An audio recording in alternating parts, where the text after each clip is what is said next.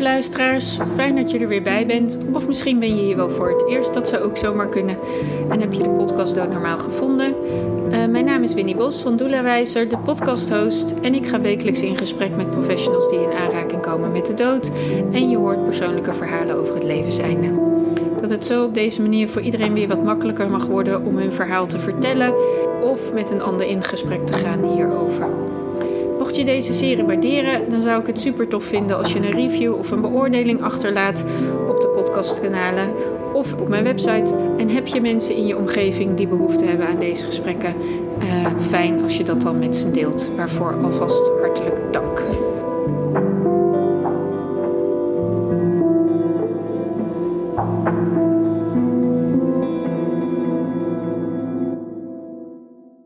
Ik zit vandaag aan tafel met Marie-Claire van der Brugge.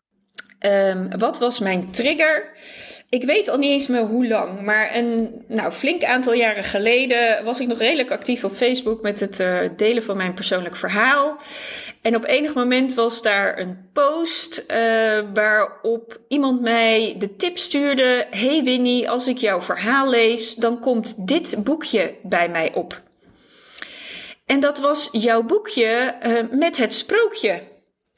Het sprookje van de dood. Ik haal hem altijd door elkaar heen, maar volgens mij zeg ik hem niet goed. Ja, het sprookje uh, van de dood. Ja, het sprookje van de dood. Um, uh, de dame die mij tipte, die zei... Nou Winnie, volgens mij moet jij dat boekje lezen... want dan gaan er ineens allerlei dingen op zijn plek vallen. Ik dacht, oké, okay, nou... Wat is dat dan voor een boekje? Ik had toen de tijd nog nooit van jou gehoord. Dus ik google dat boekje, zag dat het een heel dun exemplaar was. Ik dacht, nou, zo'n boekje, dat wil ik wel lezen besteld, uh, uh, laten komen. En ik heb het echt in één ruk uitgelezen. En wat dat boekje met mij deed, was dat er eigenlijk iets wat onbewust, onbewust als een weten in mij zat, ineens naar mijn bewustzijn werd verplaatst. En dat ik aan het einde van het boekje dacht: ja, precies, zo zit het. Dat wist ik al heel lang. Maar waarom heb ik daar nooit woorden voor gekregen? Behalve nu, met dit boekje. Nou, dus daar was ik echt helemaal, ik weet ook nog wel, perplex van. Dat ik dacht, hé, hoe kan iemand nou weten dat dat zo werkt? En waarom weet de, waarom weet de wereld waarin we leven dat niet? Nou, dat is hoe jij ooit in mijn leven bent gekomen.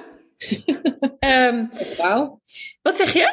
Verhaal. Ja, en uh, nou, dus, daar, dus ik ben heel dankbaar voor dat boekje, dat jij dat boekje hebt geschreven. Ik heb dat boekje ook heel vaak doorgegeven aan mensen of voor mensen gekocht en uh, als cadeau weggegeven. Omdat ik dacht, ja, als ik dan sommige mensen hun verhaal hoorde, dacht ik, oh, dat boekje, dat is echt voor jou. Um, nou, vorig jaar kwamen we elkaar weer tegen. Um, samen met een collega-ondernemer creëerde ik uh, De Dood is Springlevend. Daar uh, was jij ook te gast om jouw verhaal over We zijn een ziel, hè, want dat is eigenlijk wat jij verkondigt, ja. om dat nader toe te lichten.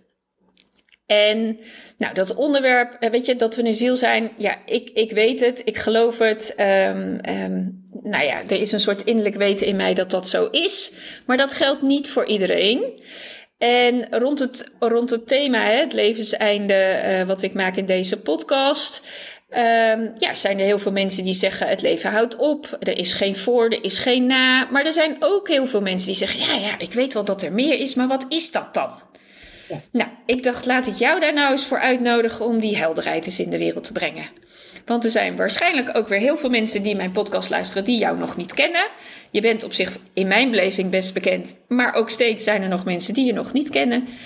Dus vertel, uh, Marie-Claire, um, het, het, sprookje van de dood, dat boekje, kun je nog eens even wat nader toelichten wat, wat je daarmee hebt geschreven?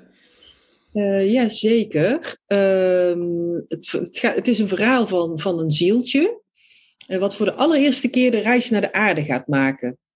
En uh, je wordt eigenlijk helemaal meegenomen in haar avontuur, dat zij nog thuis is. Ik noem dat thuis, hè? dus de plek waar we vandaan komen en waar we ook weer naar terug gaan. En uh, dan uh, ja, besluit om, uh, om naar de aarde te gaan, om een leven te leven. En ja, dan, dan wordt, ja, ga je helemaal eigenlijk in dat verhaal mee van, nou, wat gaat er aan, allemaal aan vooraf? Het is echt niet zo dat het van het een op het andere moment een ziel indaalt in een lichaam. Daar gaat echt een heel proces aan vooraf. Hele voorbereiding moet ik eigenlijk zeggen. En ehm, ja, daarna dan het geboren worden ook en het leven op aarde, wat zij ook soms best wel als lastig ervaart.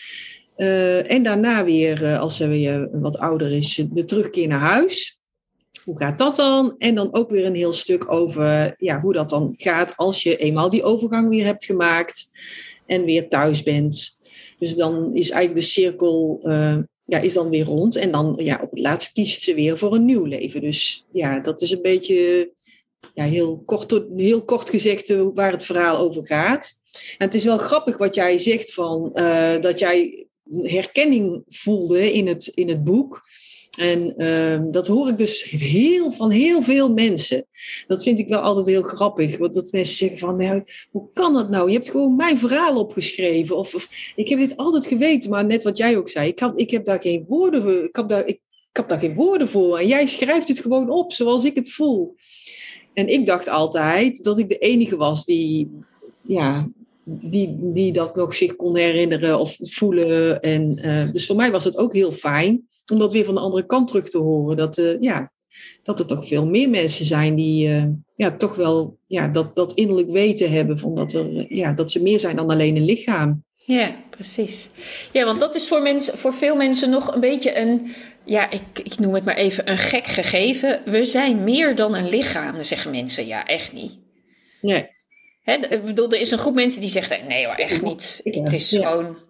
En er zijn mensen die zeggen, ja. Ja, en er zijn mensen die zeggen, ja, maar echt wel. Ja.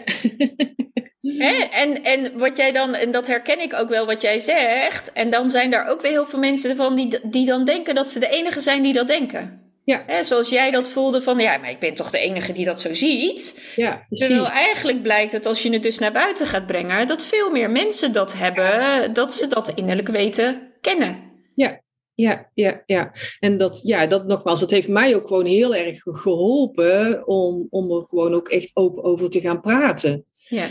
Want in het begin vond ik dat natuurlijk heel spannend. Toen boekje net, uh, het was eigenlijk niet, ik, had, ik heb het verhaal niet eens geschreven om er een boek van te maken. Want dat, dat kwam niet eens in mij op. Het was gewoon iets wat, wat eruit moest, een, een verhaal. En ik dacht, dat is gewoon leuk voor mezelf. Nou ja, daar dacht het universum toch net iets anders over. ook dat is weer zo, ja, kan je niet bedenken hoe dat, uh, hoe dat gaat dan. Ja. Um, maar ja, dat, dat is toch wel heel fijn om te weten. En, en, en uh, het is, even kijken, in 2006 heb ik dat boek geschreven. Dus nou, dat is echt al een hele tijd geleden. Mhm. En nog steeds worden er elk jaar weer meer verkocht dan het jaar daarvoor. Dus het is echt, Oh, het is nog steeds, een- ja, we zitten inmiddels al meer over 150.000 exemplaren. En elk jaar worden er gewoon weer meer verkocht dan het jaar daarvoor. Dus dat heeft, dat heeft echt, en ik maak helemaal geen reclame of zo hoor. Dat heeft echt met mond-op-mond reclame te maken. Dus echt, als mensen het hebben gelezen, hoor ik wel eens van mensen terug, dan zijn er vaak twee of drie mensen die ze dan weer tippen. En die lezen het dan weer en die tippen het dan ook weer. Dus ja, dat gaat zomaar maar door. Maar dat snap ik ook wel in de tijd waarin we leven. Als je kijkt naar 2006 en nu, daar is toch een enorme verandering in bewustzijn de afgelopen jaren ontstaan. Ja, absoluut. En ook eh, in de zin van bewustzijn, openheid over het spreken over dingen waarvan je denkt, ja, eh, dus daar zal de wereld wel niks van snappen. Ja. Maar ja, het voelt, het moet eruit, dus ik heb het er maar over. En als je dat dan dus gaat doen, dat blijkt dat andere mensen daar ook mee of zitten of ook zoiets hebben van ja, ik weet het niet precies, maar hoe werkt dat dan bij jou? En een beetje onderzoekend eigenlijk met elkaar in verbinding komen en dan gaandeweg dat proces ontdekken. Oh, maar wacht eens even, wij hebben eigenlijk een soort van het soort gelijke. Hè? Het, het klinkt als hetzelfde. Ja, Dus ik vind het niet zo gek dat jij zegt dat dat ieder jaar een toename is van de verkoop. Nee. En weet je wat, ik, merk dat inderdaad ook heel erg dat, dat in die jaren dat, ehm, dat het echt enorm is, toe, eh, dat bewustzijn veel groter is geworden. En ook wat mensen kunnen eh, bevatten of eh, waar mensen voor openstaan. Want toen ik het sprookje van de dood schreef, ehm, het sprookje van de dood, het is wel een, een compleet verhaal, maar het tipt allemaal maar net de dingetjes Ja. aan. Ja, precies. Dat was toen al heel baanbrekend eigenlijk. En ik heb in, ik weet niet eens de, de precieze data allemaal weer hoor. Volgens mij 2018 of zo heb ik de terugkeer naar huis geschreven. Mhm. Dat is eigenlijk een beetje hetzelfde thema. Alleen daar ga ik zoveel meer de diepte in. En uh, ik, ja, ik, ik krijg ook dingen door van mijn gids. Hè? En die helpt mij ook met schrijven en zo. En hij heeft mij toen ook uitgelegd van dat. Uh, want eigenlijk wist ik alles wat ik dus in de terugkeer naar huis heb geschreven, wist ik natuurlijk ook al toen ik het sprookje van de dood schreef. Ja. Maar dat ging veel te ver om dat toen al in, dan, in een boek te schrijven of op te schrijven. En uh, nu, in 2018, kon, kon dat wel. En dat, en dat is zo'n verschil. Het gaat gewoon zoveel meer de diepte in. En um, ja, mensen die, die vinden dat, die, die, die, die begrijpen dat ook nu. En uh, uh, ja, ook dat resoneert nu weer met mensen. Ja, maar het is wel interessant dat jij zegt, hè, um, ik krijg uh, deze boeken door van mijn gidsen. Dan denken mensen, gidsen, huh? Wat? Ja, krijg je niet compleet door. Hè? Nee, maar, maar kun, kun, je eens uitleggen hoe dat in zijn werk gaat? Want ik denk dat veel mensen contact hebben met iets wat niet zichtbaar is. Hè? En wat je dan gidsen kunt noemen. Of nou ja, hoe je, wat, wat voor naam je er dan ook aan geeft. En ik denk dat er best veel mensen zijn die dat herkennen. En er zullen sommige mensen zijn die dat niet durven te zeggen. Dat ze daar mm. contact mee hebben. Maar jij hebt dat, dat weet ik ook dat jij dat hebt. Maar leg eens uit, hoe gaat dat in zijn werk? Um, ja, ik, ik weet gewoon niet beter sowieso. Hè. Het is niet zo dat hij er ineens was, maar ja, ik, zeg, ik zeg hij omdat hij in een mannelijke vorm aan mij verschijnt. Maar dat wil niet zeggen dat hij. Kijk, gidsen zij hebben geen mannelijk of vrouwelijk, uh, maar zij uh, uh, presenteren zich aan iemand op zo'n manier waar diegene zich prettig bij voelt. Mhm. Dus ehm, nou, in dit geval. Hè, Garion heet hij. En uh, ja, die is al vanaf mijn uh, geboorte sowieso bij mij. Dus ik, ik weet niet beter. Dus dat is niet zo dat hij ineens was. hij was, is altijd geweest. En uh, het is ook niet zo dat hij al antwoorden geeft en alle. Uh, ik, ik schrijf, ik heb sowieso altijd heel erg veel geschreven. En dan in dagboekvorm. En dan soms had ik vragen en dan schreef ik zelf een antwoord en dan las ik dat terug. En dan dacht ik van ja, maar dit heb ik niet zelf geschreven. Want zoiets zou ik nooit zeggen. Of uh, die, een ander soort taal of zo. Of dat ik om advies vroeg en dan een, een, een, uh, een antwoord kreeg wat ik eigenlijk niet wilde horen. Weet je, ja, dat ga je ook niet zelf opschrijven natuurlijk. Dus dat was voor mij dan altijd wel heel... Ik kon altijd heel goed het verschil zien van wat is van mij en wat is van hem. Hm. En de boeken, die, uh, sommige stukjes heb ik echt gewoon wel echt doorgekregen. Uh, maar er zijn ook heel veel, hij heeft mij ook, zo heeft hij mij uitgelegd, heel, heel erg geholpen om mijn eigen herinneringen nog, nog helderder te krijgen. Dus dat ik echt vanuit mijn eigen herinnering kan schrijven. Uh, want uh, ja, ik, ik probeer het altijd zo uit te leggen. Iedereen heeft jeugdherinneringen, alleen die van mij gaan een heel stuk verder terug. Ik, ik kan me namelijk nog glashelder um, vooral het, mijn vorig leven en dan het sterven in dat leven herinneren. De terugkeer naar huis, hè, zoals ik dat dan noem. Het verblijf daar en daarna weer het uh, geboren worden en het indalen in dit lichaam. Mm -hmm. Dat is voor mij nog net zo helder als dat iedereen jeugdherinneringen heeft. Dus het is ook niet een geloof of zo. Het is, ja, het is gewoon een, een weten. Het is natuurlijk mijn innerlijk weten. Het is mijn waarheid. Het is niet de waarheid. Maar ja, blijkbaar resoneert mijn waarheid toch wel met heel veel andere mensen. Dus uh, dat heeft mij dan inderdaad ook wel gesterkt. Om, om echt daar, ja, daar toch ja, mijn gevoel daarin te volgen dat het ja, zo zou kunnen zijn. Ja, ja. En, ja, uh, en dat opent dan weer voor anderen, omdat jij daar zo open over bent. Dat opent dan weer voor anderen eigenlijk wat het, uh, het boek Het Sprookje van de Dood deed met, uh, met de terugkeer naar huis. Over dat mensen daar ook weer wat meer open zijn over de diepgang die je daarin pakt. En dat mensen denken, oh, maar wacht even, ik ben toch niet helemaal gek. Hè? Want dat ja. is ja. vaak wat we denken, dat we gek zijn. Ja, dat we, zeker, daarom heb ik ook heel lang niks gezegd. Want ik altijd dacht van, oh jee daar, eh, als ik hè, je wordt gek gevonden of uh, uh, nou ja, goed, dus dat, dat was wel voor mij heel fijn toen ik hoorde van anderen. Dat ik dacht van, oh, ik ben niet de enige rare, zal ik maar even zeggen. Ja, ja.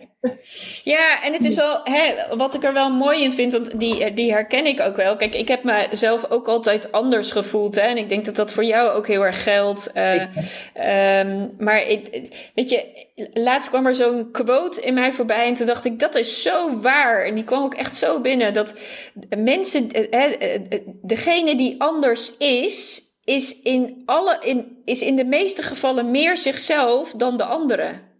Oh ja. En Ja. toen dacht ik, ja, dat is zo waar. Want je wordt dan vaak zo als die andere voor, nou ja, ik snap je niet, eh, ga maar weg, want ik begrijp je niet. Ja, ja, ja. Maar het is juist omdat je zo jezelf bent, dat mensen dat zo spannend vinden en daar dan niet zo nabij durven te komen. Ja, ja, ja. En dat is ook, dat is ook zo, die, als je het dan over die woorddingen hebt, je hebt net als paranormaal. Dat is ook, hè, er zit niet voor niks het woord normaal in. Ja, ja. Ja, Ja, het is interessant hè, wat er ook in onze Ja. taal zit, wat, wat dan heel erg sturend daarin is of zo. Wat, eh, wat eigenlijk als je teruggaat naar de essentie van het woord, denk ik, ja, paranormaal. Dat er eigenlijk iets heel normaals is. ja, En dat als je eigenlijk letterlijk doet, terugkijkt in de geschiedenis en je gaat geschiedenisboeken lezen, of tenminste geschiedenisverhalen lezen, dan kun je eigenlijk in ieder geschiedenisstukje wel terugvinden dat er altijd meer is dan wat we zien. Dat, ehm, eh, dat, er altijd iets dat er altijd iets was wat we niet kunnen vastpakken. Ja, wat, wat een cyclus maakt en ooit weer in een andere vorm terugkomt. ja. Ik bedoel, er is niks geks aan. Maar Nee. ergens onderweg in deze wereld hebben we daar iets geks van gemaakt. ja, ja, klopt. Ja. Hey, nou heet jouw gids Garion, dus je, er is echt zeg maar één iemand bij jou, of één, ja, ik noem het eigenlijk, gidsen zijn een soort van gewoon energie-entiteiten, hè? Het zijn Ja. gewoon energieën. Nou ja, hij is mijn, eh, mijn hoofdgids, zeg ik altijd. Mhm. Klinkt altijd als de hoofdpiet. Ja. Mijn hoofdgids. Ehm, ik beschrijf dat ook in een van mijn boeken. Eh, iedereen heeft sowieso een hoofdgids. Mhm. En dat, dat is gewoon een, eh, een, een ziel waar jij thuis mee hebt afgesproken. Eh, die, dat hij, hij, ja, hij of zij, of ja, het is niet hij of zij, maar ik zeg maar even hij of zij, jou gaat begeleiden tijdens het leven. En ehm, die zit ook op dezelfde energiefrequentie, net als jij. En het kan heel goed zijn dat in een volgend leven eh, jouw, jouw gids, zeg maar, besluit om naar de aarde te gaan om een mensenleven te leven. En dat jij dan als gids gaat fungeren. Dus het is ook niet zo dat het iets veel hogers is. Of, eh, het is gewoon een, een, een, dus zo'nzelfde, ja, het is een soulmate, maar die is gewoon thuis nog dan. Hmm. En omdat hij dus dan vanuit thuis een veel beter overzicht heeft, kan hij ook eh, goed advies geven. En, en, en als je daarom vraagt, ook wat leiding en zo. Maar hij, hij- ze mogen nooit ingrijpen zomaar. Je moet altijd om hulp vragen. Of het moet zijn dat, hè, dat, dat, dat, dat, dat je dat van tevoren hebt afgesproken. Van eh, als ik dit of dit ga doen in mijn leven en ik heb niet om hulp gevraagd, dan mag je dat wel. Dus dat, ja, het zit heel ingewikkeld in elkaar hoor. Dus daarom zei ik al, er zit een hele voorbereidingstijd Mhm. aan wanneer een ziel naar de aarde gaat. Ehm, en je hebt ook nog gewoon andere gidsen die soms een tijdje met je meelopen. Of eh, vaak ook eh, eh, overleden dierbaren die daarna dan voor kiezen om een tijdje jouw gids te zijn. Of, of gewoon iemand anders waar je mee dat mee hebt afgesproken. En vaak kunnen zij daar dan ook weer heel erg veel van leren. Dus het is, het is eigenlijk een, een, een wisselwerking. ja. Dus we zien gidsen altijd meer als iets, iets hoogs en, en zo, maar het is eigenlijk een soort samenwerking met elkaar. Want ja, zij kunnen ook weer leren van wat wij hier op aarde allemaal uitspoken. Hè? En, eh, Mhm. en dat, ja, dat kunnen zij ook, daar kunnen zij ook weer van leren. Ja. Ehm, wat ik wel interessant vind wat je zegt, is dat de gids die eigenlijk bij je is en jij allebei op dezelfde energiefrequentie zitten. Ja. Ja. Ja. Ja, ja. Hey, en je zegt er zit een hele voorbereidingstijd hè, eh, aan, eh, vast aan voordat je hier besluit, ja, besluit, ja, besluit Ja. dat je hier naar aarde wil komen. Eh, wat bedoel je daarmee?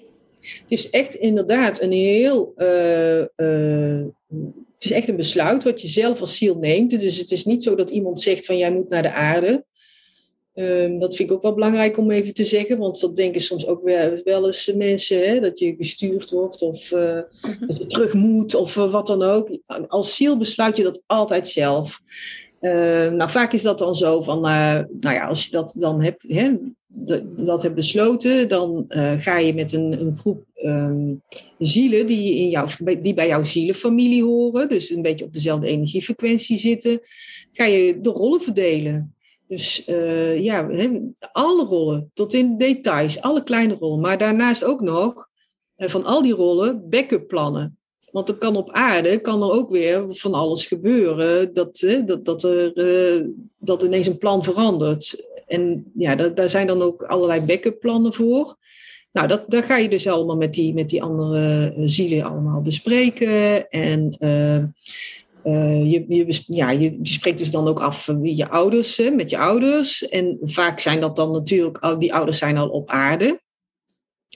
Uh, maar wat ook belangrijk is om te vertellen, dat wij als ziel niet helemaal in een menselijk lichaam passen.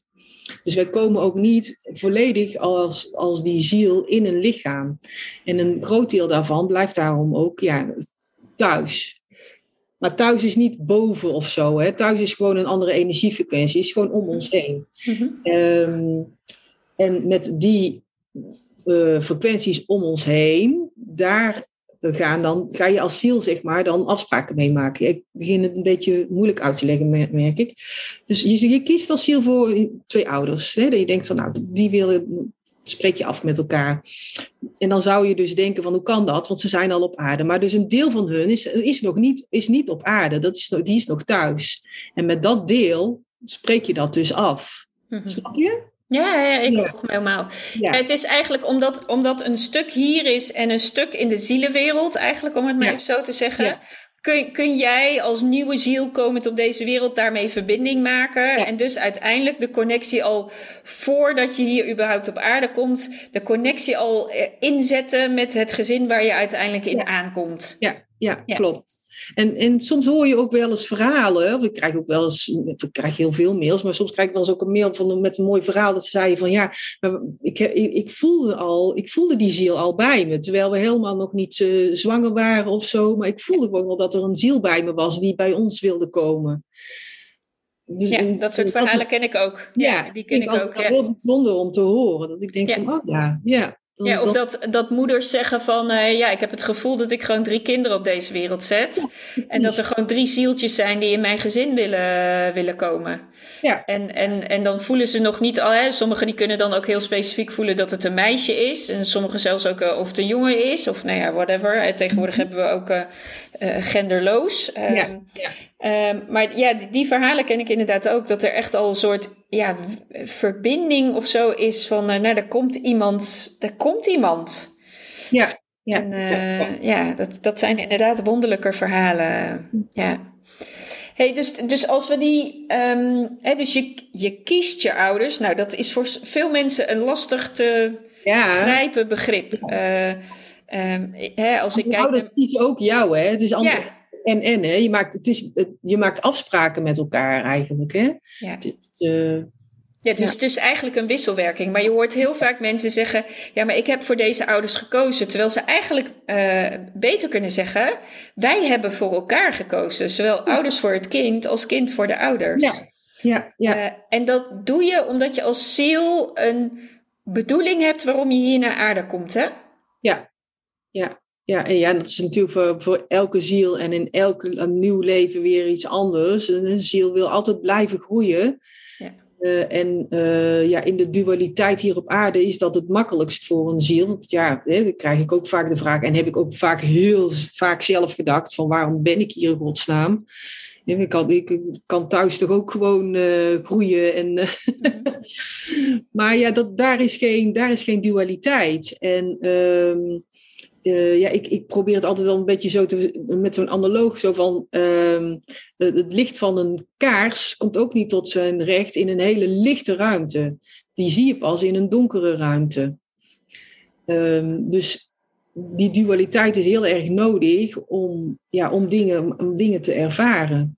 Ja die we thuis niet kunnen ervaren, omdat daar alleen maar licht en liefde is. Ja. En, en dan, ja, dan denk je, hè, het, is, het, is soms, het is gewoon heel moeilijk uit te leggen, omdat het met ons menselijk verstand bijna niet te bevatten is. Nee, want het gaat heel erg over een stuk wat we niet zien. Nee. En wat er wel is, omdat het in het energieveld wat om ons heen zit, uh, um, het, over dat stuk hebben we het. Ja. En dat is natuurlijk iets van hè, ons mens, waarin wij een hoofd hebben, die graag de dingen concreet wil krijgen. Leg, leg het voor me neer op tafel, want dan kan ik het zien. Maar als ik het niet zie, dan bestaat het niet. Dat is een beetje de definitie van ons hoofd, hè? Ja, ja. Terwijl... het is gewoon ook heel moeilijk om, om, dat, om het uit te leggen van... Het is zo'n verschil met hoe een, hoe een ziel dingen beleeft en hoe je het met je menselijk ego en, en zo dingen beleeft. Dus ja, kijk, op zielsniveau, uh, als je dan allemaal, als je naar ellende allemaal in, in de wereld en zo kijkt, dan denk je ook van ja, dat kan toch niet zo zijn dat uh, zielen daarvoor uh, kiezen en zo.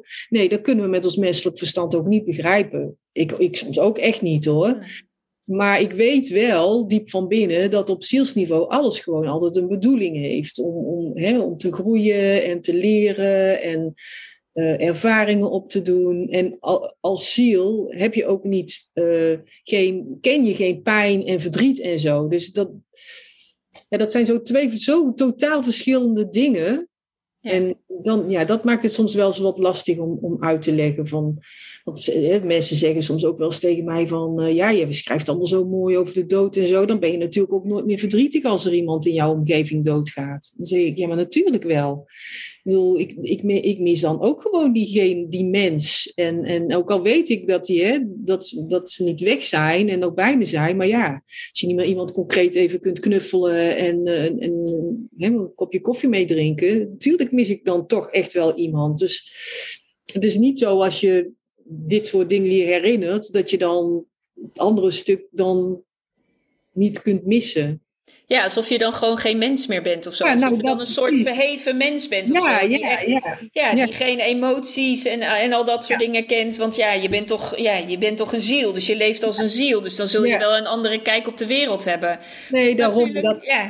dat, nee. Maar dat is, dat is natuurlijk niet zo. En het is gewoon heel erg moeilijk om, om datgene wat ik me nog herinner en, en weet. En ja, ik, ik, ik, ik ga, krijg, kan nog steeds daar naartoe heel snel. Uh, en, en krijg nog dingen door die ik mag doorgeven.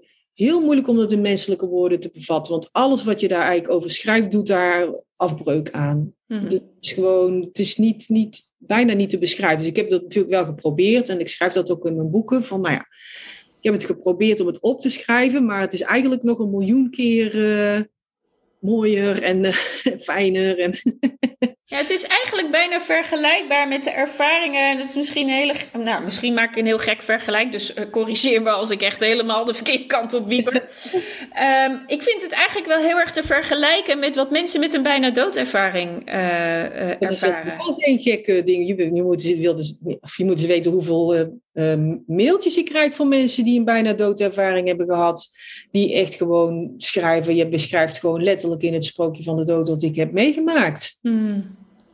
Met de tunnel en het licht en zo. En ja, uh, uh, ja en, ook, en ook gewoon het heimwee. En ja, ja dat, dat soort dingen allemaal. En je hoort ook heel vaak van mensen met een die een bijna doodervaring hebben gehad, dat die, dat die echt weer heel erg moeten wennen aan gewoon hier op aarde leven. Dat zij dat gevoel heb, hebben gehad van. Um, ja, dat, dat gevoel hebben mogen ervaren hoe het is om thuis te zijn. En vaak hoor je ook dat mensen boos zijn, dat ze teruggehaald zijn en zo. Ik had laatst sprak ik iemand ook en die zei van, nou, zij had tijdens haar uh, bevalling was zij, uh, had ze een bloeding gekregen en ja, dus zij ging, ze was gewoon aan de dood gaan. En ze heeft ook echt een paar minuten is echt dood geweest ook. En zij zegt van, nou ja, ik, ik, ik vond het heerlijk, terwijl ik toch zag dat daar dat babytje lag. Want, dat, want als je dan in menselijk, als mens gaat denken, denk je, nou, dat moet afschuwelijk zijn. Dat je dan uit het leven gaat en je ziet daar je kindje. En ze zegt, nee hoor, ik, het was helemaal goed. Het was helemaal goed. En ik was ook echt, en het eerste wat ik tegen mijn man zei, zei ze toen ik bijkwam, was, waarom hebben jullie mij teruggehaald? Dus dat, dat vind ik dan wel, dat is zo wel heel heftig eigenlijk. Hè? Dan denk je, hmm. dat geeft wel weer hoe bijzonder het eigenlijk is. Ja, ja, en dat geeft dus ook weer, hè, want veel mensen die een bijna doodervaring hebben gehad, worden niet begrepen. Nee. Uh, um, die voelen zich inderdaad anders. Ik denk dat mensen die weten dat ze een ziel zijn uh, en um, zich soms ook moeite hebben tot het verhouden tot anderen, omdat zij nou ja, ja ik, heb, ik heb er niet zoveel moeite mee. Ik bedoel, iedereen mag denken zoals hij denken wil. Ik bedoel, als iemand denkt dood is dood, ja, dan denk ik dat is voor jou zo. Weet je, wie ben ik om te zeggen dat dat niet klopt? Ik heb er een andere beleving bij hoe het, leven in elkaar steekt. Uh, maar ik geloof wel dat van de verschillende verhalen die er zijn, we nieuwsgierig mogen zijn. Maar waarom denk jij dan zo dat de wereld zo in elkaar steekt? Waarom geloof jij dat je een ziel bent die een, iedere keer nieuwe rondes maakt, om het maar even zo te zeggen? Hè? Je maakt iedere keer een cyclus en soms duurt het heel lang dat je terugkomt en soms ga je heel snel weer terug. Of nou ja, hoe, hoe dat dan ook voor je is. Maar um, um, uh, ik denk dat ook sommige mensen die, zich, eh, die echt dat, die zielsbeleving hebben op deze aardse wereld, ook vaak zich niet altijd begrepen voelen. Nee. Hetzelfde eigenlijk hebben met de mensen die een bijna doodervaring hebben gehad. Klopt, ja. Ja, en dat is wat ik altijd ook noem. Ik noem het altijd, ik had altijd heimwee naar huis. Ja. En uh, daar heb ik echt heel erg lang heel veel last van gehad. Nu niet. Hè. Sinds ik mijn boek heb geschreven is dat eigenlijk wel een heel stuk minder. Omdat ik dus nu ook weet, ik ben niet de enige. En ik weet nu ook wat mijn missie is. Hè. Maar ja, daarvoor dacht ik, ja, wat heeft dat voor zin dat ik dit allemaal weet en zo. Ik voel me er alleen maar ellendig onder. Ja. Dat je weet hoe fijn het kan zijn. En, en ja, het is hier op aarde toch, toch veel grovere energie en zo. En als je dat verschil nog niet zo goed kent, dan is er niks aan de hand. Maar als je heel goed het verschil weet, dan is dat best wel lastig. Ja, en dan is het contrast ook heel groot. Ja, precies. Want dan is het contrast een liefdevolle uh, wereld waarin alles één is, uh, waarin alles voelt uh, als eenheid, hè? waarin er ge geen verschillen zijn en waar alles bij elkaar hoort en als één geheel wordt ervaren en gevoeld. En dan kom je in deze wereld en denk je, zo, hallo, wat een contrast, man. Ja. je kan fout zijn, je kan goed zijn, crimineel, nou noem, al, noem alle varianten maar op. Ja. Er zit van alles.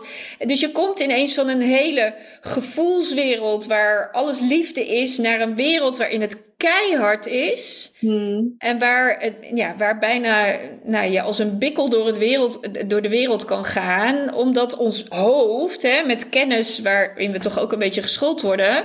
Ja, dat, dat, dat, dat contrast is gewoon niet te vergelijken. Want hoe kan je nou bij dat eenheidsbewustzijn blijven in de wereld waarin we leven? Ja, ja dat is ook heel lastig. En uh, uh, dat beschrijf ik dus ook heel erg in het sprookje van de dood. Dat is ook de struggle waar het zieltje dan ook mee te maken krijgt. Hè? Ja. Het is eigenlijk een heel autobiografisch uh, boekje.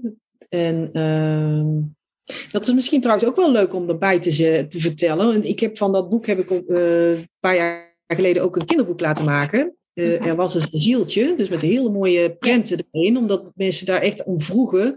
Maar kan je niet het, het, ook voor kinderen. Want het is al vrij eenvoudig hoor. Dus het kan al best wel voor door best wel uh, kinderen gelezen worden. Maar echt voor de hele jonge kinderen heb ik dan een prentenboek laten maken. En van uh, daaruit is eigenlijk ook weer iemand op mijn pad gekomen. Die heeft nu, we hebben nu een muzikale familievoorstelling gemaakt. En die heet ook Er was eens een zieltje. En dat is eigenlijk het sprookje van de dood, wat helemaal uh, ja, weergegeven wordt. En dat is, ja, dat is zo mooi. Uh, actrice Babette uh, Holtman, die, ja, die kan prachtig zingen en doet dat samen met Hans Kunneman. Hij is gitarist en we hebben dat uh, met z'n vieren eigenlijk, met de vrouw van Hans, die heeft het liedteksten geschreven. Hebben we daar een jaar aan gewerkt om het helemaal echt als een verhaal neer te zetten. En dat, ja, daar uh, gaan we nu ook eigenlijk heel Nederland mee door. Maar dat is wel mooi, hè? want vaak weten die jongere kinderen, die weten dit. Voor hun is dit ja, zeker. totaal ja. geen issue nee. van, hè, ben je een ziel? Ja, tuurlijk, dood, ja. dat is toch heel normaal, hoort bij het leven. Ja, is niet fijn, maar ja, ik bedoel, het is een keer klaar. En waar, waar hebben we het allemaal over? Doen jullie volwassenen toch allemaal moeilijk? Ja, ja, klopt. Ja. En, dus, en, uh, en ook dat die kinderen, wat jij dus hebt met gidsen, voelen dat er andere energieën om hen heen zijn. Zeker, zeker. Ja. Ik zeg ook altijd, ik vertel dan altijd van als je een babytje ziet liggen in, in de wieg of in een kinderwagen of zo, dan, dan kan je, als je daar een beetje uh, observeert, dan kan je zien dat hij soms ineens heel erg begint te trappelen en begint te kirren of zo. En dan zo helemaal zo naar boven zo. Uh, nou, geloof maar dat, er dan, dat ze iets zien hoor. Of dat, dat er he, iets om hun heen is.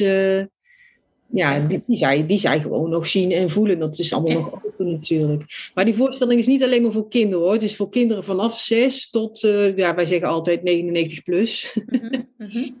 Dus, uh, maar daarin wordt ook heel mooi dat uitgebeeld dat dat uh, stukje struggle van ja, dat heimwee naar huis hebben. Of, en, en, als je tegen moeilijkheden aanloopt, dat je denkt dat je alleen bent, maar dat er toch iemand om je heen is. En als je daarvoor open staat, dat er dan een gids is die je helpt en zo. dus ja, dat is wel, ja, wel heel mooi. Ja, eigenlijk het gevoel dat je gedragen wordt. Dat er, ja. dat er altijd voor je wordt gezorgd. Ja, precies. Ja, ook al voel je het dan misschien niet of je ziet het niet, maar uh, ga er maar vanuit dat er altijd iemand om je heen is die ja. er voor je is. Ja. ja. Ja, dat is wel mooi. hey, en um, uh, we hadden het net al even over hè, de enorme voorbereiding voordat je als ziel op deze wereld komt. Uh, hoe gaat het dan aan het einde? Want het, er zitten meerdere fases hè, als je hier bent vertrokken. Ja, maar je bedoelt als je weer teruggaat? Ja, als je weer teruggaat naar thuis. Ja. Um, ja, nou ja, dan op, er komt dus een moment dat je, dat je dus gaat sterven. Um, dat, uh, daar ben je sowieso, weet je, dat is altijd de keus van de ziel ook. Dat is soms, ja, de laatste tijd durf ik ook gewoon wat makkelijker dingetjes te zeggen. In het begin was ik altijd heel voorzichtig, want ik ben altijd zo bang om mensen te kwetsen. Hè? Want mm -hmm. ook heel vaak oh, die is veel te vroeg gegaan. Of mm. ook met moord en zelfmoord en zo. Maar op zielsniveau, nogmaals op zielsniveau, uh, kiest een ziel echt gewoon het moment en ook uh, waarop hij weer teruggaat naar huis. Um, want een ziel, eh, als, het, als, het lichaam, als een ziel het lichaam verlaat, dan is hij nog verbonden met een, uh, een soort energetisch koord, noem ik dat. Dat is ja. eigenlijk de navelstreng van de ziel. En zolang dat koord niet verbroken is, dan ben je nog verbonden met je lichaam. Dus dat is ook de reden waarom iemand met een bijna doodervaring weer terug kan in het lichaam.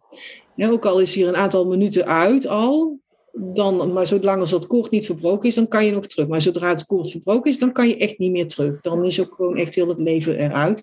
Maar dat koord moet je als ziel zelf verbreken. Dus dat is ook de reden waarom je dus als ziel altijd, jij, jij maakt de keus. Iemand anders kan dat niet doen.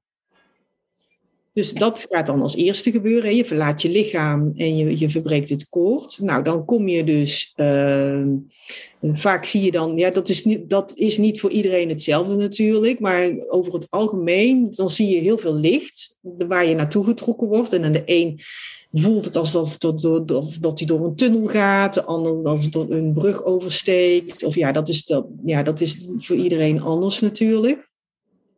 En het is ook zo dat je uh, datgene ziet wat het meest uh, op menselijk niveau met jou resoneert. Dus uh, een, een, een boeddhist zou, zal Boeddha zien, uh, iemand, een echte christen, die zal Jezus zien, en dan heb je helemaal niks aan, dan, dan zie je misschien heel iets anders. Maar dat is, dat, dat is echt om je als, als ziel echt met die overgang te helpen. Want je bent dan natuurlijk nog heel erg met het aardse verbonden. Dus dan, dat is ook de reden waarom je dan, dan kom je op een gegeven moment in een andere wereld. En die wereld ziet er eigenlijk heel erg uit als de aarde. Maar dan nog veel mooier. En met mooie bloemen en zo. En dan zou je denken van, ja, maar hoezo daar zijn daar ook bloemen en zo? Je kunt er alles creëren wat je wilt. In in het, is allemaal gedacht, het zijn allemaal gedachten en energieën. Maar dat is echt om je om als ziel comfortabel te laten voelen met de overgang. Dat beschrijf ik ook helemaal in de, terugkeer naar huis, dit stukje. En dan op een gegeven moment, bij de een is dat wat sneller dan bij de ander, dan komt, dat, komt er zo'n punt waarop je dat ook niet meer nodig hebt. Die, die, die uh, uh, zeg je dat, die beelden van, van, van natuur en huizen en uh, al dat soort dingen. Nou, je wordt weer herenigd met, uh, met, met je geliefde, die, hè, van je zielenfamilie. Ook zij zullen aan jou verschijnen zoals jij, waar jij je het comfortabelst bij voelt. Dus dat kan ook zijn dat iemand heel jong is. Of, maar dat is dus allemaal om je het als ziel zo comfortabel mogelijk te maken om de overgang te maken. Dus er is een soort van uh, ja, welkomstfeest. Kijk, hier hebben we de, de uitvaart als het afscheidsfeest, maar thuis hebben we een welkomstfeest. Uh, vaak is een ziel ook bij zijn uitvaart overigens, bijna altijd wel. Uh, en, en, en dat is eigenlijk niet, niet eens zozeer om te kijken van wat iedereen allemaal te vertellen heeft en zo, hè, maar meer om de, de te troosten. Ja.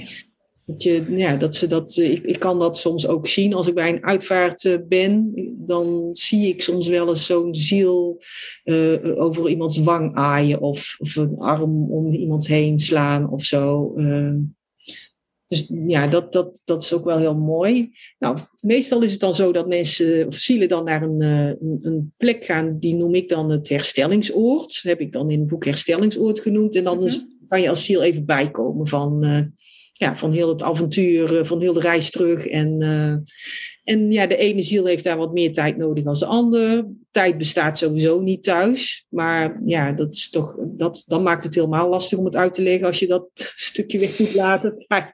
Dus we gaan even uit van dat er tijd is. En bij de een ja, kan, dat, kan dat heel snel zijn en dat hij weer doorgaat. En de andere die vindt het fijner om wat langer uh, te zijn. Ja. Nou, als dat gebeurd is, dan ga je weer naar een andere plek. Uh, en uh, ja, dat zullen we maar even de filmzaal noemen. En dan ga je eigenlijk terugkijken naar je leven. Van wat we, hoe heb ik het gedaan? Heb ik alles uh, gedaan wat ik wilde doen? Heb ik de ervaringen opgedaan, geleerd? En, maar dat, dat doe je dus met een, van, ook met een, je ziet dus ook wat het met die an, met andere mensen heeft gedaan. Ja, ja. Dus niet alleen vanuit jezelf, maar ook met anderen. Maar zonder uh, emotie. Want, want soms denken mensen van, oh, dat lijkt me verschrikkelijk als ik mijn leven, mijn uh, film terug moet zien. Of uh, je kijkt daar heel neutraal naar.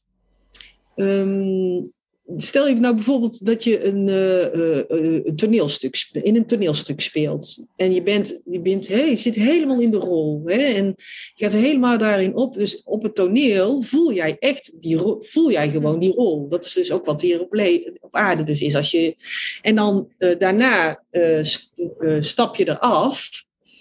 En dan, uh, nou, laten we het een film noemen, geen toneelstuk. Dan stap je uit die rol. Nou, de film is klaar, dan ga je in de zaal zitten en dan ga je naar de film kijken. Je ziet jezelf in die film spelen, maar die, dat gevoel is er niet meer, want je zit gewoon naar die film te kijken. Zo, zo probeer ik het altijd een beetje uit te leggen, dat je niet helemaal daarin meegaat. Uh, nee. Nee. Nou ja, dat, dan sluit je dat af. Dat doe je vaak ook echt met, met je gidsen en zo. Uh, ja, en dan, dan kan je je leven op aarde of thuis eh, een beetje vorm gaan geven. En ja, er zijn zoveel dingen die je kunt doen. Er is ook een, een kindersfeer waar echt uh, uh, hele jonge zielen verblijven. Of mensen, je kunt ook mensen helpen met de overgang. Of nou ja, er zijn ja, ontelbaar veel dingetjes die je kunt doen. En dan komt er waarschijnlijk op een gegeven moment weer een moment dat je denkt van... hey, ik heb wel weer een zin om uh, op avontuur te gaan. Ja, ik heb weer wat te leren. Ik, ja, heb, uh, dus... ik heb nog wat steken laten vallen in die vorige ronde. Wat kan ja, ik er nu nog uithalen? Ja, dus en dan kan, en dan kan het ook zomaar zijn dat je in een andere hoedanigheid terugkomt. Hè? Dat hoeft niet altijd een menselijk lichaam te zijn. Het kan ook een hond of een paard of een kat of whatever. Ja.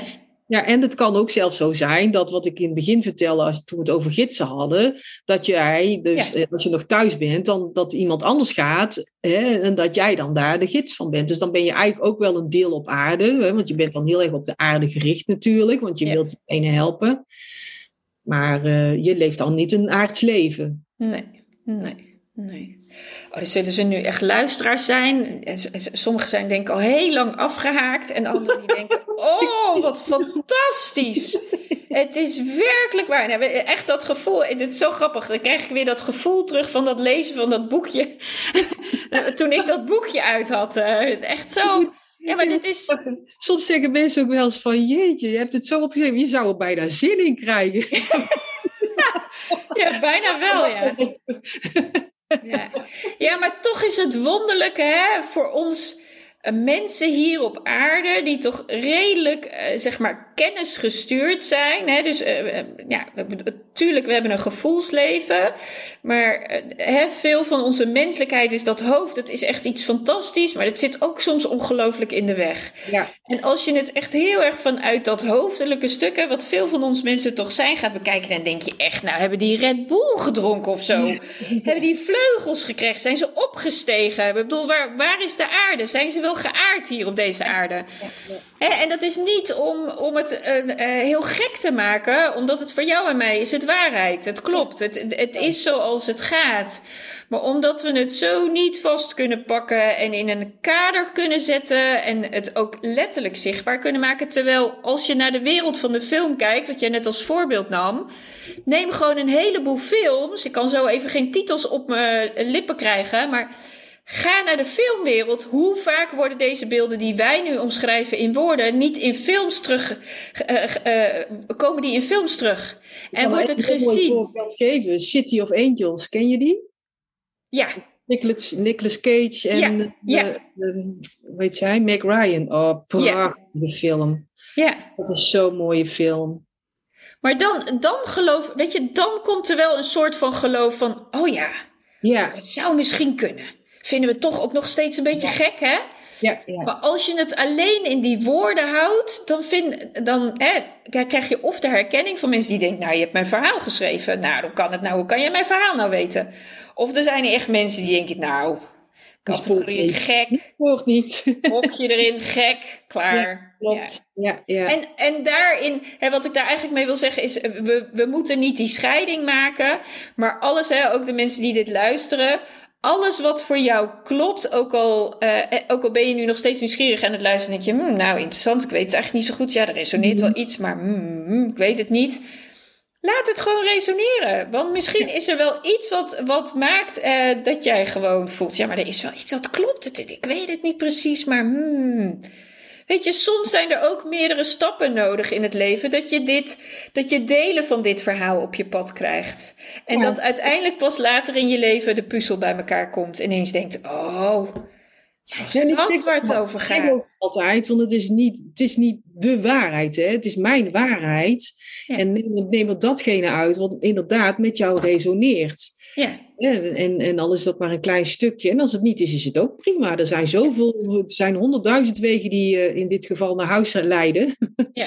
Ja. Dus ja, dit kan een weg zijn, maar het kan, het kan, ook zijn dat mensen hier helemaal niks mee hebben en dan op een andere manier uh, ja, daar toch iets meer over gaan horen of zo. Ja.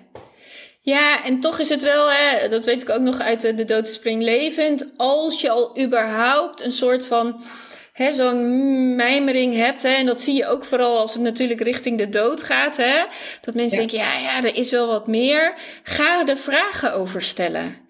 Weet ja. je, zeker ook als het richting die dood gaat, laat het niet in het ongewisse. Maar als je denkt, ja, ja, wat is dat dan dat meer? Ga gewoon kijken of je mensen om je heen kunt krijgen. Ik weet dat jij daarin kan helpen, ik kan in, daarin helpen. Ga het vragen, want het kan zo mooi zijn als je daarin gewoon uh, iemand hebt die je daarin mee kan laten lopen. Omdat dat zoveel rust ook geeft voor dat laatste stuk op weg naar de dood. Ja. En ook al zeggen wij dat is niet het einde, hè, maar goed, dat fysieke lichaam gaat dan wel sterven. Ja.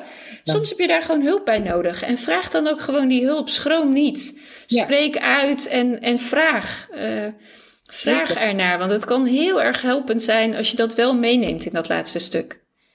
Heel belangrijk, zeker. Ja. ja. En wat denk jij dat daar in dat laatste stuk, wat is het verschil wat daarin gemaakt kan worden? Nou ja, al is het maar wat rust.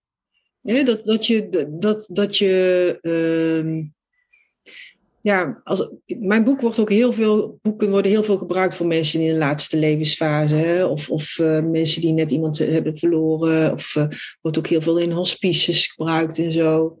Um, en ja, ik hoor dan ook wel terug dat mensen daar toch, ja, ook al geloven ze het niet helemaal, maar dat ze toch, toch, dat, dat toch een beetje rust kan geven. Of dat, hè, dat mensen zeggen van nou, het zou wel mooi zijn als het zo zou kunnen zijn. Dan is er al een stukje angst weg. Hè?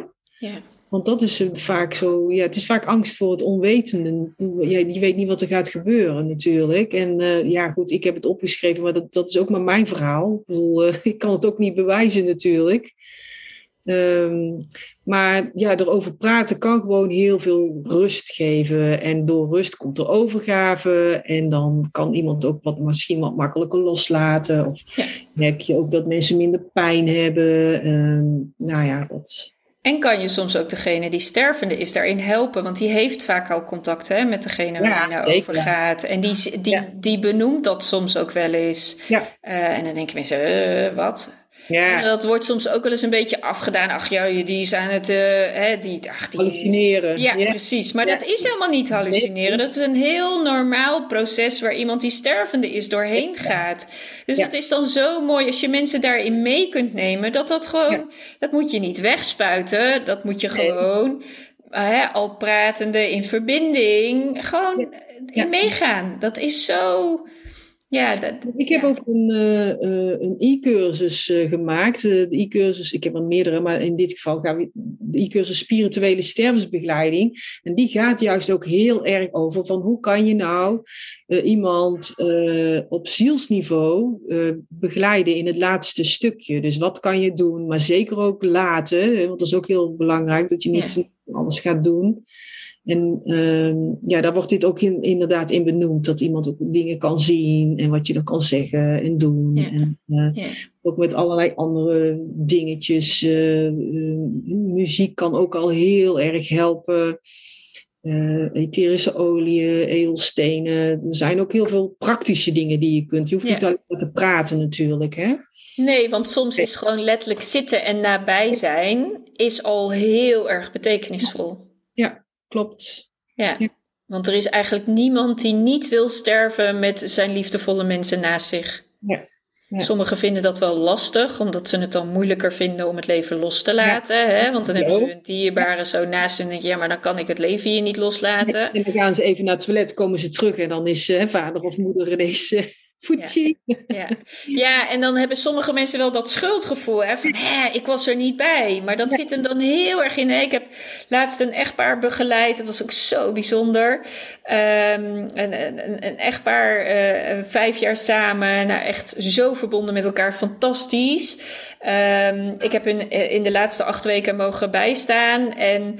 ehm, uiteindelijk zei hij wilde niet thuis sterven. Dus hij ging naar een hospice en uh, ja, zij was al dagen bij hem. Hij heeft daar maar heel kort gelegen. Een, vier nachten of zo heeft hij daar gelegen. En op een gegeven moment uh, was hij toch in slaap gebracht. Want hij, hij zegt, ik kan niet meer. Ik ben zo moe. Ik ben zo op. Ik kan gewoon niet meer.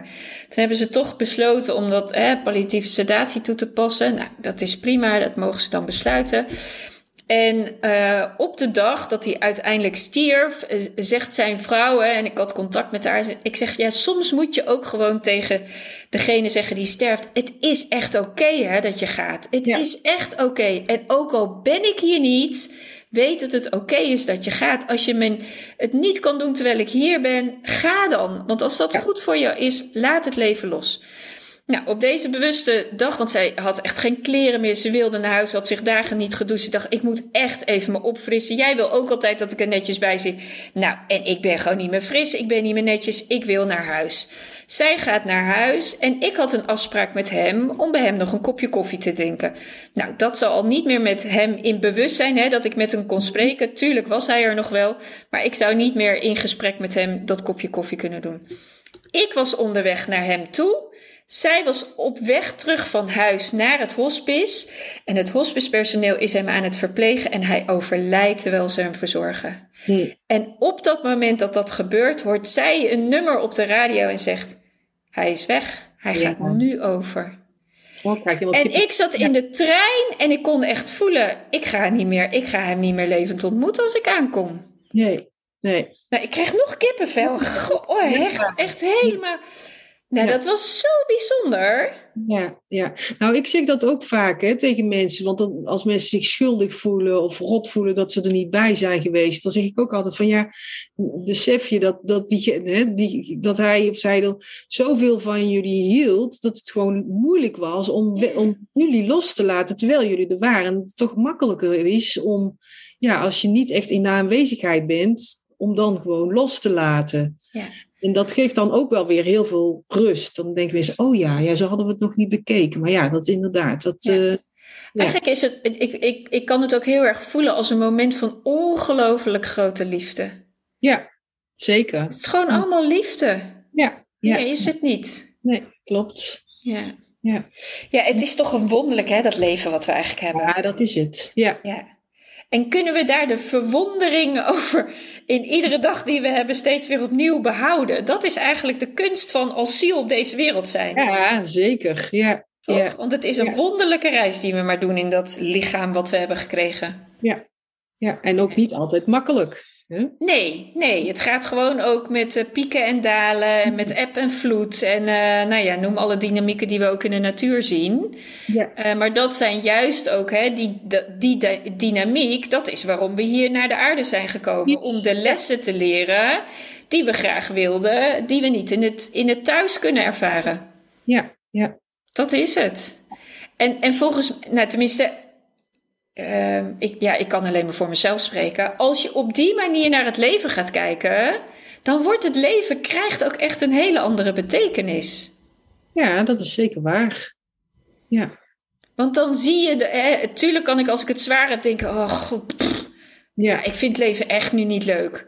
Maar er is een weten in mij die denkt, maar dit is nodig om op die berg te komen, die er straks weer komt. Want die komt.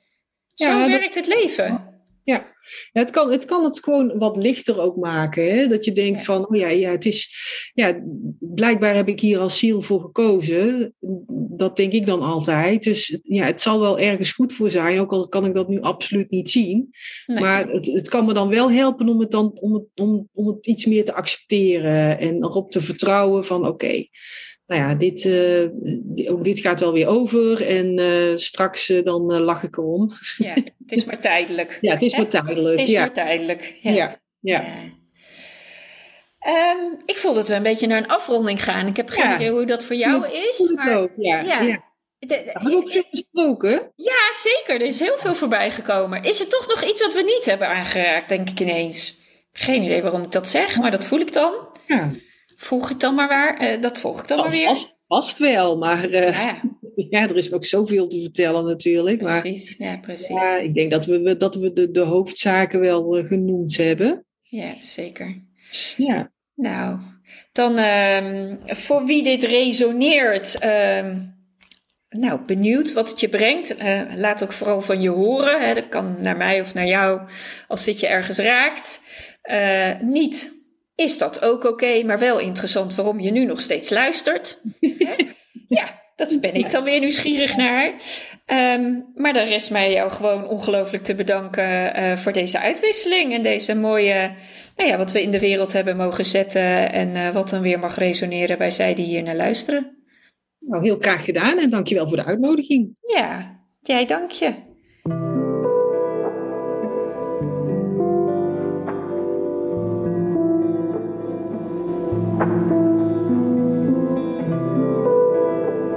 Nou, dat was hem weer voor deze week. Uh, dankjewel voor het luisteren. Fijn dat je er weer was. Uh, mocht het nou zo zijn dat je vragen hebt of opmerkingen of suggesties of wensen voor onderwerpen of heb je gasten die je kunt aanreiken, dan sta ik er altijd voor open. Uh, dankjewel als je met me mee wilt denken. Uh, hetzelfde voor het delen. deel het met je vrienden, bekenden, familie, wie dan ook in je omgeving. Want hoe meer de verhalen verspreiden, ehm, hoe beter het is. En uh, voor nu, tot de volgende aflevering.